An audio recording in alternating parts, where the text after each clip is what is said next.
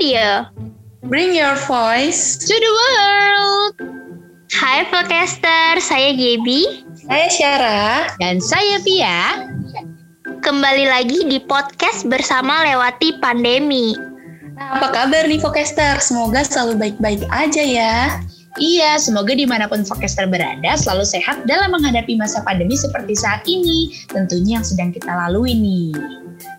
Eh wah Syar, ngomong-ngomong nih ya, seru banget ya saat ini kita lagi ada di podcast bersama lewati pandemi yang khusus episode kali ini kita akan ngebahas tentang khasiat-khasiat dari beberapa kudapan yang emang berdampak baik untuk kesehatan kita.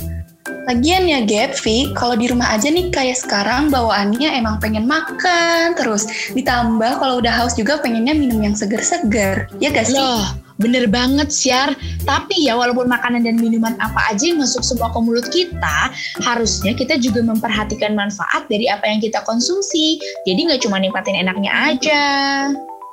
Ya, tapi kalau dipikir-pikir menurut kalian berdua nih ya, makanan dan minuman apa yang khasiatnya bagus banget buat kesehatan kita? Apalagi kan di masa pandemi gini ya, kita tuh harus jaga imun tubuh dengan baik. Kalau saya sih suka banget disuruh minum jamu empon-empon.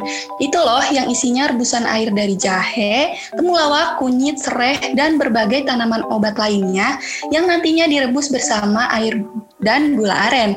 Kalau rasanya sih cenderung manis gitu, jadi dijamin gak akan enak kalau minum ini. Wah iya tuh, selain jamu empon-empon, makanan yang mengandung tanaman herbal lainnya tuh ya, contohnya kayak kembang tahu yang disiram pakai kuah jahe yang manis. Aduh, udah teksturnya lembut, terus menghangatkan badan lagi. Nah, podcaster, dari kedua makanan tadi bisa kita simpulkan bahwa keduanya mengandung tanaman obat atau herbal yang berguna bagi kesehatan kita. Bahan utamanya dari keduanya itu salah satunya tuh ada jahe. Oh iya, saya juga pernah baca loh di salah satu artikel mengenai sebuah jurnal yang membahas secara tuntas mengenai manfaat dari jahe itu sendiri. Aduh, jurnal apa ya share itu?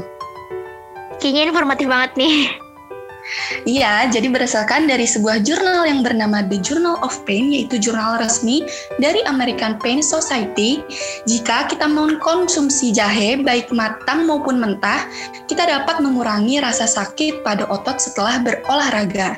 Kan biasanya tuh pas masa pandemi gini, mungkin di rumahnya ada yang suka workout ya, mungkin ototnya sakit-sakit, bisa nih konsumsi jahe aja. Aduh, pas banget, Syar. Saya sendiri memang merasakan manfaat yang tadi udah dijelasin. Kebetulan selama pandemi ini saya memang bisa dibilang cukup rutin nih melakukan olahraga di rumah. Dan ketika saya mengkonsumsi kembang tahu ataupun jamu empon-empon buatan ibu saya, badan saya ini terasa lebih segar kembali loh. Dan otot-otot dan gang tadi juga jadi lega lagi dan gak sakit. Ya ampun, ternyata jahe tuh bisa bikin otot kita jadi enak lagi ya. Wah, Makanya. ini sih manfaat yang jarang diketahui ya. Aduh. Uh, tuh kan, oke banget nih kalau kita konsumsi jahe secara rutin. Selain itu, jahe juga punya manfaat penting lainnya loh. Kalau kita baca jurnal yang tadi udah saya sebutin, jahe juga berperan penting untuk dijadikan sebagai antibakteri yang kuat dan berguna menahan imun tubuh supaya tidak mudah sakit. Nah, bener tuh kalau manfaat yang ini memang terasa sangat real dan nyata terjadi di badan kita. Contohnya aja nih ya, kalau kita konsumsi jahe, batuk dan pilek kita juga bisa bisa Eh, eh, kalau corona kan emang salah satu gejalanya itu batuk ya. Jadi secara nggak langsung tuh kita dengan mengkonsumsi jahe ini kita bisa melawan salah satu gejala corona itu. Mm-mm, makanya mulai dari sekarang jangan sosok nolak deh kalau ditawarin makanan atau minuman yang mengandung jahe. Aduh, hmm, kalau saya sih nggak mungkin nolak ya. Uh, apalagi saya deh ngomong-ngomong ya. Tadi kan kita udah bahas uh, jahe yang merupakan salah satu bahan dari jamu empon-empon. Ternyata campuran dari jamu empon-empon itu sendiri juga udah loh diteliti sama Universitas Erlangga Surabaya, tepatnya di bagian Tropical Disease Center yang mengatakan bahwa jamu empon-empon memiliki kandungan yang dapat memperkuat daya tahan tubuh kita dan menangkal virus-virus di luar sana. Iya dong, Gel. Secara kan jamu empon-empon memang mengandung berbagai tanaman obat yang tadi udah saya sebutin. Iya, Gap, Syar. Makanya kalau ada tanaman obat seperti jahe, temulawak, serai, dan lain-lain sangat bagus untuk dibudidayakan dan dijadikan sebagai ladang perkebunan tanaman obat. Bener tuh. Karena kita sebagai warga negara Indonesia memang kaya akan rempah-rempahnya. Tapi tanaman obat kita juga nggak kalah loh. Justru malah berguna bagi kesehatan kita. Coba deh, kita tuh harus sadar bahwa bahan-bahan tanaman obat tadi mudah banget loh kita dapetin di luar sana. Jadi pergunakanlah manfaatnya. Yuk, betul banget. Tapi ya ngomong-ngomong nih, bagi Vokester yang emang gak suka rasa-rasa tanaman obat yang strong banget, mungkin bisa makan makanan yang bakal saya bahas nih. Iya, apaan tuh, Vi? Iya, apaan sih, Vi? Wah, Gap, share. Kalau yang ini simple dan Vokester di rumah juga bisa gampang banget dapetin bahan-bahannya. Eh, pasti berbagai sayuran nih. Iya nih, kayaknya sayuran ya. Aduh, ketahuan deh ya. Jadi Gap, share, kalian tahu kan brokoli? Iya, brokoli tahu dong. Iya, itu salah satu makanan favorit saya loh.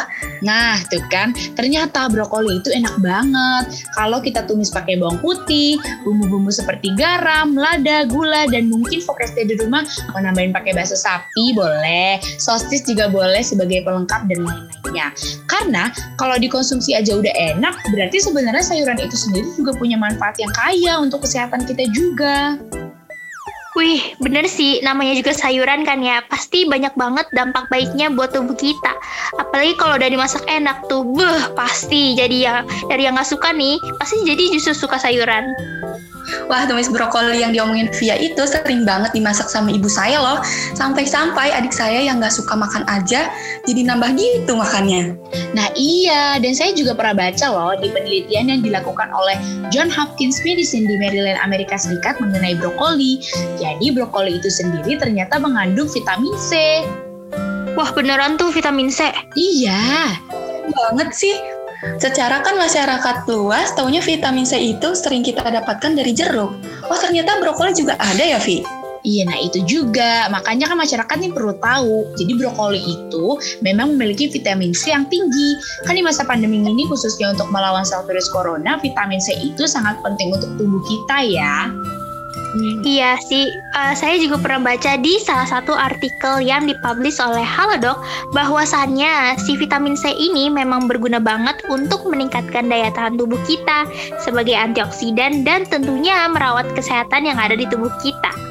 Wah, sama seperti Gaby dan Via ya Vokestar, saya juga pernah baca salah satu jurnal dari Universitas Lampung yang mengatakan bahwa vitamin C memang terbukti dapat membunuh dan mencegah replikasi virus. Tuh kan pas banget ya, karena kan kita emang lagi di masa pandemi gini menghadapi virus yang super ganas penyebarannya, jadi memang dari kita sendiri pun harus bisa bersatu melawan pandemi ini.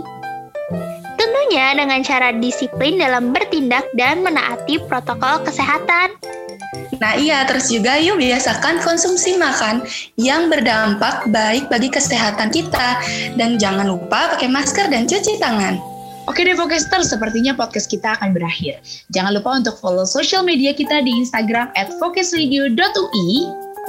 dan jangan lupa juga untuk selalu dengerin podcast bersama lewati pandemi hanya di Spotify Focus Radio on Podcast. Oke, kalau gitu see you on next episode. Bye.